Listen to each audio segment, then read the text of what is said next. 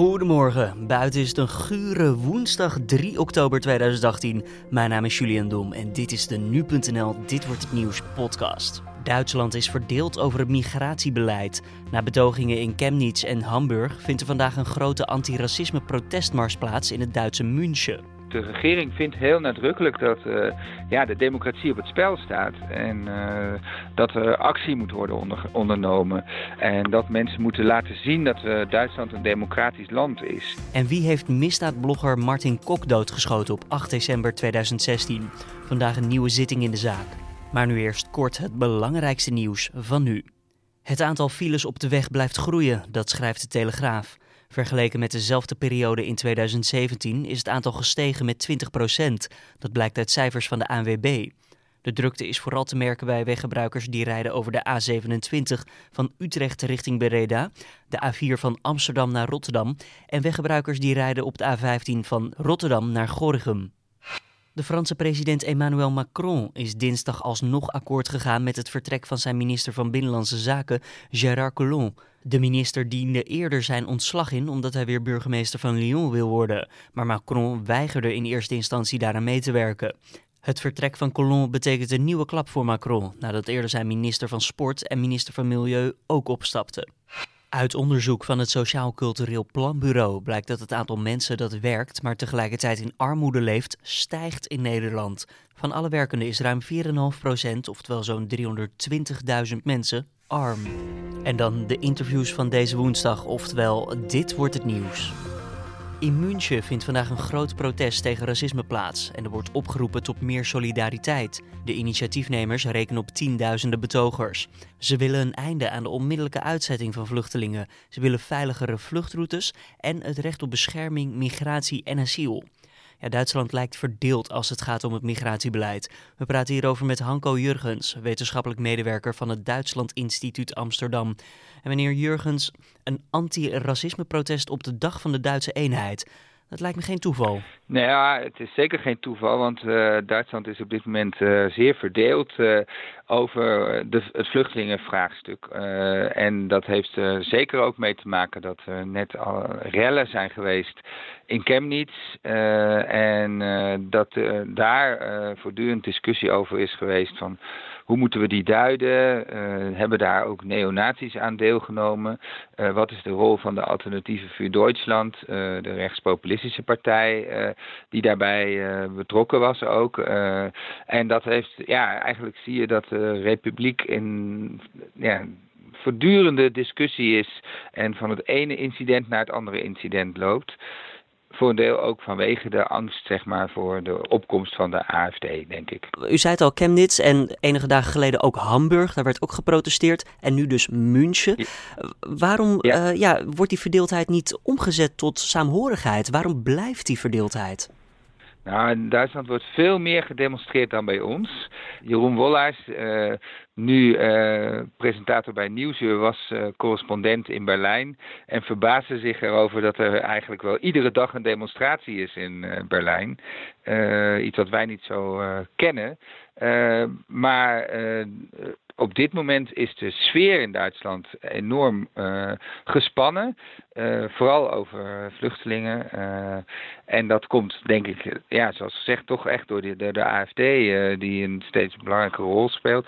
Die ook het goed doet in de peilingen. Waardoor de gevestigde partijen zich bedreigd voelen.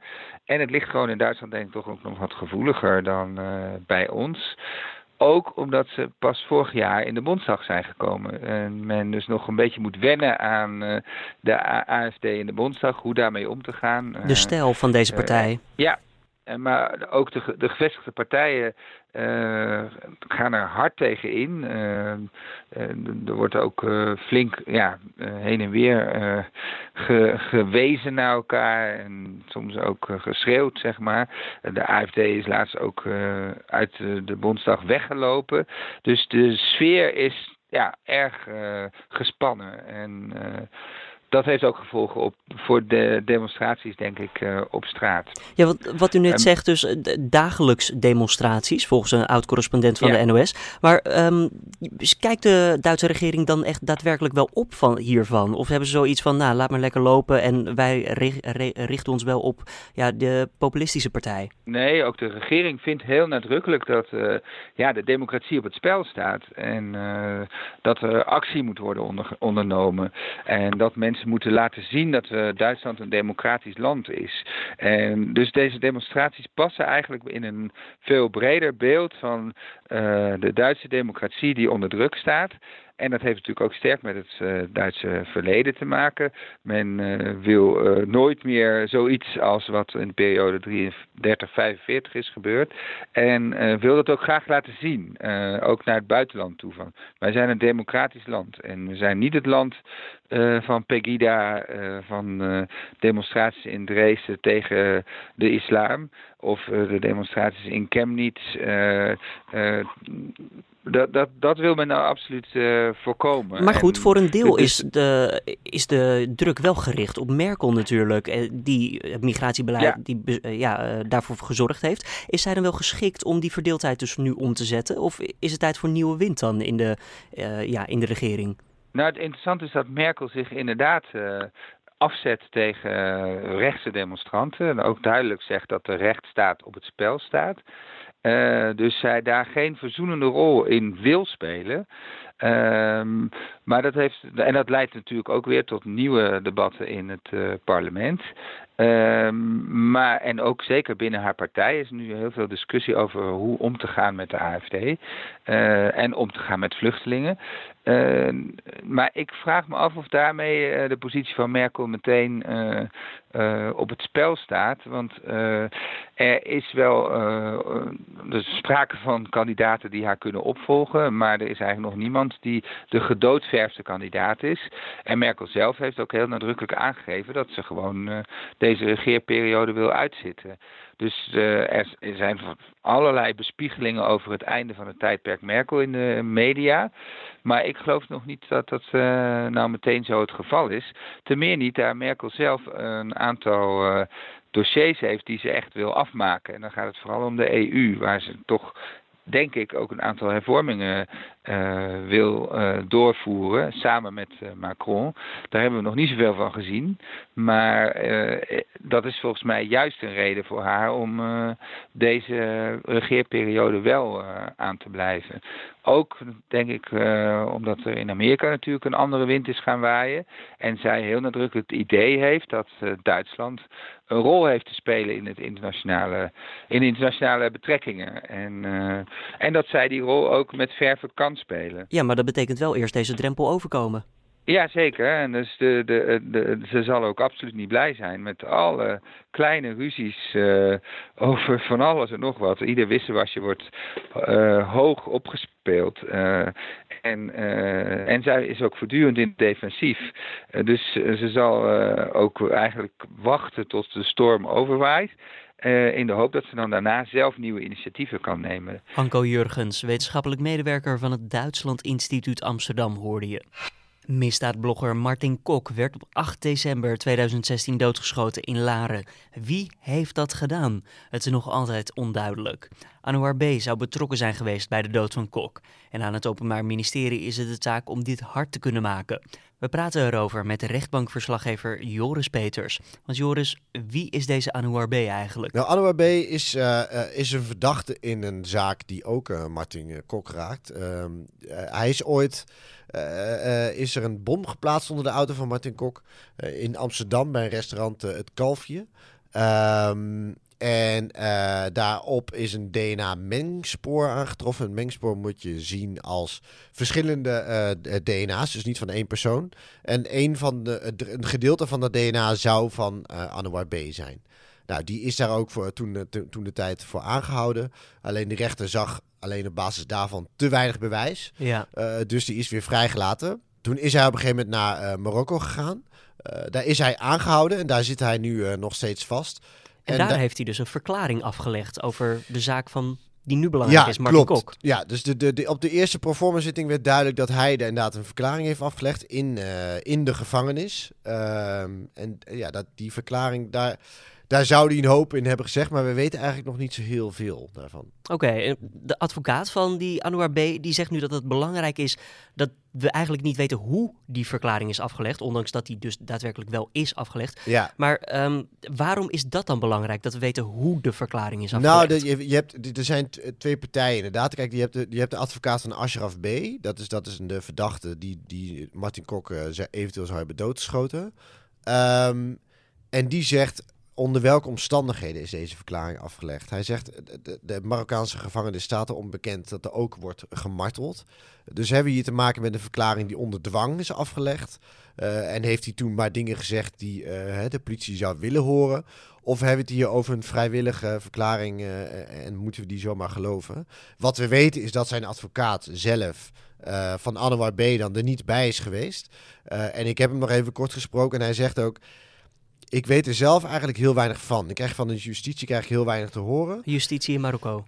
Nee, justitie in Nederland. Oké. Want die, uh, die, die geven hem weinig informatie over wat er precies is, is gebeurd en hoe het is gegaan. Hij zegt, ik heb mijn cliënt uh, even kort gesproken. En die zegt, uh, meneer de advocaat, ik heb, um, ik heb inderdaad in mijn eigen taal, in het Berbers, heb ik een verklaring afgelegd. Maar uh, daar was een tolk bij aanwezig en wat er precies is opgeschreven, dat weet ik niet. En toen werd uh, de verbinding alweer verbroken. En, uh, ja, wat zou er gebeuren als die verklaring onder dwang is afgelegd? Ja, dan heb je, dan heb je er eigenlijk gewoon dan heb je er niks meer aan natuurlijk. Nou, misschien niks meer aan is te, is te, is te groots gezegd, maar ja, als iets onder dwang gebeurt, dan, dan is de geloofwaardigheid natuurlijk van die verklaring, is dan komt dat een heel ander daglicht te staan. Weet je, bedoel, het ligt natuurlijk aan de inhoud. En als de politie dat alsnog kan staven met ander bewijs, ja, dan wordt het wel ja. dan wordt het een lastig verhaal. Maar het wordt wel een veel minder betrouwbare verklaring van. Maar de ja. verdediging is er dus nu op uit om ja, uit te zoeken hoe die verklaring is afgelegd. Ja, in, in, nou ja, in hoeverre uh, kun je dat uitzoeken? Hè? Ze willen dat graag weten van justitie. Nou, justitie zei toen al, nou, wij hebben op dit moment in ieder geval geen aanwijzingen dat dit onder dwang is gebeurd. Dus ja, uh, dat blijkt natuurlijk moeilijk, uh, moeilijk uit te zoeken. En, en het is natuurlijk ook al, wat staat er nou precies in die, in die verklaring? Maar er is wel een naam, Joris, die naar boven is gekomen. En dat is de naam Ridouan T. Wie is dat? Dat, dat is een naam die in heel veel uh, zaken uh, valt de laatste tijd. En, en, laat ik dan inderdaad ook vooral benadrukken dat die naam veel valt. Uh, betekent niet dat, hij er, hè, dat er concreet bewijs is dat hij bij betrokken is. Hoewel in die verklaring zou staan, van die Anouar B. dus, dat hij zegt dat de Ridouan T. de opdrachtgever is. van de moord op... Van de moord op Martin Kok, ja. En, en nou ja, uh, is ook op de nationale, op de internationale, wordt hij, internationaal wordt hij gezocht. Dat, dat, hij wordt hem een grote rol toebedicht in het in een criminele circuit. Hij zou opdracht, gegeven, opdracht hebben gegeven voor verschillende liquidaties. Waaronder dus mogelijk die ook op Martin Kok. Um, Weten we waar hij zich mogelijk zou bevinden? Nee, er zijn een paar landen die, er waar de naam van, van vallen. Van, van Dubai bijvoorbeeld. Die hebben geen, uh, geen uh, uitleveringsverdrag met Nederland. Dus daar zou je in principe redelijk veilig kunnen zitten. Um, dus dat is wel inderdaad een van de landen die, ja. die wordt genoemd. Maar ik heb ook zijn advocaat nog even gesproken. En zij zegt ook van, weet je, ik, ik hoor net als uh, jullie journalisten, hè, daar hoor ik de naam ook heel vaak vallen. Maar ik zit net zoals jullie op de tribune. Ik, uh, ik hoor het wel, maar ik krijg niks van het OM van uh, er is een concrete verdenking tegen uw cliënt. Of, dus zij vindt het opvallend, want zijn naam valt heel veel. Maar hij zegt, zij zegt van, ik, ik, er is ook nog iets als je het recht op jezelf kunnen verdedigen. En ja. dat gebeurt in dit geval niet. Dus ja, misschien dat, er, dat ze wel met concrete bewijs uh, komen. Maar goed, het is een proforma zitting, hè, dus dan het is nog geen inhoudelijke behandeling. Dus maar misschien. Hoe ja. dicht zitten we dan nu bij het oplossen van deze liquidatie? Want ik heb het idee dat er nog niet heel veel verder zijn dan toen het gebeurde in, in, in, in december. Nou, dat is moeilijk te zeggen. Ja, ze hebben natuurlijk wel, want ze hebben ooit, ze hebben twee jongens aangehouden. Eén daarvan, die is nog steeds wel verdachte, maar die hoeft dan niet meer voor te komen. Dat kan eventueel in een later stadium nog wel, maar het kan ook, kan ook niet zo zijn. En we hebben nu één uh, uh, meneer die, die inderdaad wel moet voorkomen. En waarvan die uh, Anwar B. trouwens zou hebben gezegd. Deze meneer heeft aan mij verklaard dat hij erbij was toen Martin Kok werd geliquideerd. Dus die verdenking tegen hem is wel heel concreet. Maar hoe dicht zijn we bij de oplossing? Ja, dat vind, dat vind ik moeilijk te zeggen. Ik heb het dossier niet gezien, ik heb het niet gelezen. Dus dat, daar doe ik dan altijd liever geen uitspraken over. Maar mogelijk dat daar, dat daar uh, ik hoop dat daar vandaag meer duidelijk over wordt. Hè? Want je moet dan de stand van het onderzoek moet dan weer worden besproken. Uh, gaan, we, gaan we toe naar een volgende proforma? Is het onderzoek nog niet klaar? Of zeggen ze nee, wij denken dat we het wel redelijk rond hebben en we kunnen beginnen met de inhoudelijke behandeling van de rechtszaak. Ja, ik ben heel erg benieuwd. Rechtbankverslaggever Joris Peters hoorde je. En dan nog even het weer voor deze woensdag 3 oktober. De zon laat zich zo nu en dan zien tussen de wolken door. Maar ochtends kan nog wel een kleine bui vallen. Het is ook wel wat fris buiten. Maar het blijft grotendeels gelukkig wel droog. Smiddags ligt de temperatuur zo rond de 15 graden. En voordat we bij het einde van deze uitzending zijn, nog even positief dierennieuws. Een Amerikaanse familie uit de staat Connecticut is namelijk na vijf jaar herenigd met hun tackle Lady. De hond werd teruggevonden door agenten en zij konden middels een microchip de eigenaar weer uh, ja, opsporen. Het baasje zei vijf jaar geleden de dierenpolitie te hebben ingeschakeld. Maar vanwege de bosrijke omgeving waar ze woonden werd gedacht dat de hond verdwaald was geraakt. Of misschien wel was opgegeten door wolven. Lady zou blind en doof zijn. En hoe ze al die tijd dan alsnog heeft weten te overleven is dan ook onbekend. Dit was dan de Dit Wordt Het Nieuws podcast van deze woensdag 3 oktober. Elke maandag tot en met vrijdag vind je ons op 6 uur ochtends op de voorpagina van nu.nl. En wat vond je van de uitzending? Laat het even weten via een mailtje naar podcast.nu.nl of laat gewoon een reactie achter in een van je eigen favoriete podcast apps, bijvoorbeeld die van iTunes. Mijn naam is Julian Dom en voor nu een goede woensdag en tot morgen.